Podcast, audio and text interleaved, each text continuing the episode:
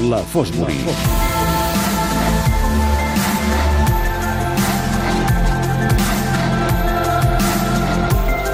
Roger Castillo, bona nit. Bona nit, Pere. Avui a la Fosbury tractarem un dels temes que va ser dels primers en aparèixer a la revista digital de tot l'altre esport, en el seu número 1.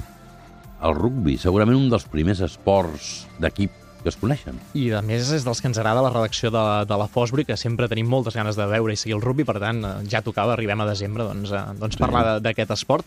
Um, intentarem centrar-nos amb l'arribada del rugby a Catalunya. Abans faig la típica pinzellada històrica que sempre fem de context. Sí. 1823, William Webb Ellis, que és un jugador que està jugant a futbol, agafa la pilota amb la mà, comença a córrer, la porta a la porteria contrària i d'aquesta manera s'inventa, diu la llegenda, un esport, perquè no hi ha fets documentals que contrastin aquesta versió. No n'hi ha d'abans? No n'hi ha. El que passa és que eh, hi han dos factors aquí. Un, la Federació Internacional de Rugby reconeix aquest moment com a fet històric d'inici del rugby, però any, eh, posa-hi segle eh, XV, segle XVI, Itàlia, eh, França, eh, tenim doncs, diverses expressions similars al rugby. Segle XI, segle XII, Anglaterra, es juga a futbol de carnaval, que és una espècie de rugby però molt més bèstia, en què en lloc d'una pilota doncs, han de transportar sí. una pedra. El, el, el, el, calcio, el calcio antic. De fet, es deia futbol rugby durant molts anys, va estar mm. molt associat al futbol i té molts antecedents. És a dir, si busques al llarg de la història, trobaràs Què vol antecedents dir del rugby. rugby? Rugby és una ciutat que doncs, dona teòricament nom a l'esport. Hi ha hagut mm. també controvèrsia amb això, en si és la ciutat que dona el nom de l'esport, si va ser algú doncs, que va decidir aquell nom, tot i que no tingués res a veure, en aquest cas, amb, doncs, amb, la, amb la pròpia ciutat que està doncs, a Anglaterra, i al final dona doncs, això, un, una senzillesa de començar un esport a través d'un nom, a través d'una llegenda i a través d'uns antecedents històrics molt bèsties de molts altres esports, que s'agafa una mica d'aquí i d'allà i s'acaba sumant i s'acaba consolidant d'una forma molt bèstia al segle XIX. Al cap de 40 anys doncs, es desvincula definitivament del futbol, comencen a néixer federacions internacionals, 1871 Federació Anglesa, es comencen a disputar partits internacionals, arriba a la Catalunya Nord, 1889, un, un jove que es deia Albert Lincou, estava doncs, al nord de França, quan torna cap a casa, diu, escolta, allà juguen a rugby, és un esport molt guapo, eh, ens hi hem d'animar, funda el primer club a Perpinyà, que no és l'USAP, aquest és el Liceu, l'USAP es funda el 1902, 13 anys més tard, l'USAP doncs, eh, és el que segurament ha exportat més bé eh, al país, podríem dir, doncs, arreu del món, el que ha aconseguit millors resultats, però no travessa la barrera dels Pirineus fins 20 anys més tard. És a dir, estem ja a 1921, quan apareix la Unió Esportiva Sant Boiana, que és, sempre ho hem dit, doncs ho diu qualsevol programa esportiu, el Mm. club degà d'aquest esport al Principat de Catalunya, i que a més a més té una història doncs, doncs curiosa. Uh, apareix a Catalunya bàsicament perquè hi ha dues persones que l'impulsen d'una forma descarada. Una d'elles és molt coneguda, és Valdiria Leu, i és coneguda perquè li dona nom al camp actualment, Sí. l'escoltem a qualsevol butlletí informatiu o sí. qualsevol doncs, resultat de cap de setmana, sabem si la Sant Boiana ha jugat a casa o no, i per tant intuïm que era algú important, efectivament.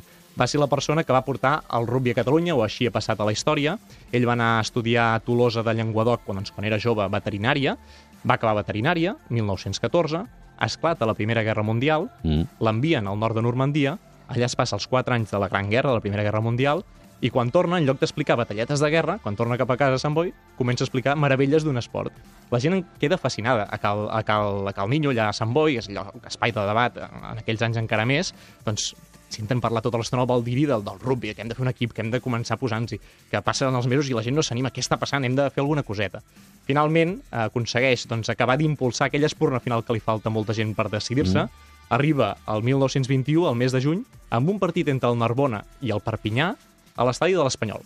Venen a jugar aquí, doncs, convençuts pel consulat de, de França, i finalment doncs, eh, explota allò, la gent veu aquell esport, al·lucina, i al cap de molts pocs dies, 4 de juliol, es funda la Unió Esportiva Sant Boiana. Per tant, era allò que li faltava, Li doncs, per, faltava, acabar de, sí. per acabar de convèncer.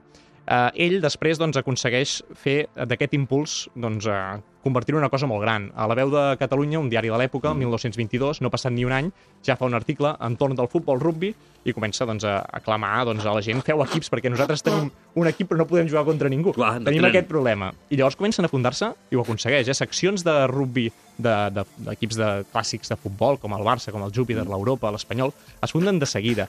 El rugby Cornellà, el rugby Sant Cugat, tots Has aquests apareixen Júpiter? al moment, sí. Tenim una noia del Júpiter que, escolta'm... Ho sé, ho sé. Sé que aquesta casa Ah, es cuida per això d'aquest dit es el cuida Júpiter. d'aquest club. Saps que li Correcte. han donat la medalla del mèrit Sí, al Júpiter? sí, sí. sí. I que són tan sapastres els del Consell Superior d'Esports que ho han volgut fer bé, han posat en català i han posat esportiu sense E? Això no ho sabia. Això sí que no ho sabia. Sí, sí, però és igual. En qualsevol cas, el Júpiter es mereix aquesta medalla, el que es mereix és una mica més de respecte i, I que tant. es molestessin en mirar la Viquipèdia. mm, centenari històric. Sí, senyor. Perdona, Um, eh? no, no, no, senzillament recupero el, el fil del rugby per parlar de l'altre nom que m'interessa molt avui. Michel Reinard Buisserin.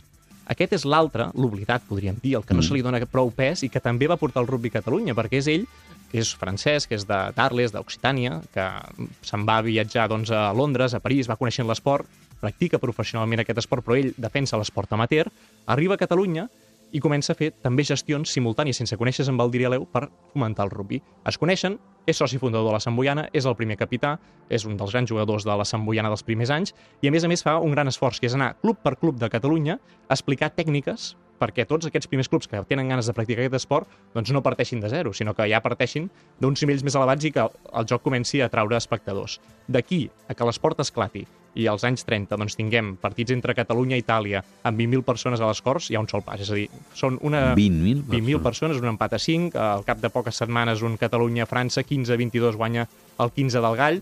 És l'època en què Catalunya, com a Federació Internacional de Ple Dret, a més a més soci fundadora de la Federació Internacional, doncs eh, arrasa, és un esport que arrasa fins que arriba el cop d'estat de, de Franco, arriba el franquisme i aquí eh, el retrocés és històric. Eh, quin és el moment Fosbury? Mira, en aquest cas agafem un moment solidari, la Melé, que es farà el 14 de desembre a les 12 del migdia al costat del monestir de Sant Cugat. El Rugby Sant Cugat ha impulsat aquesta iniciativa per la Marató de, de TV3, per tant, des d'aquí desitjar que es vol fer una Melé gegant amb 2.000 persones allà, a veure, a veure si ho aconsegueixen, tant de bo que sí. Segur que sí, gràcies.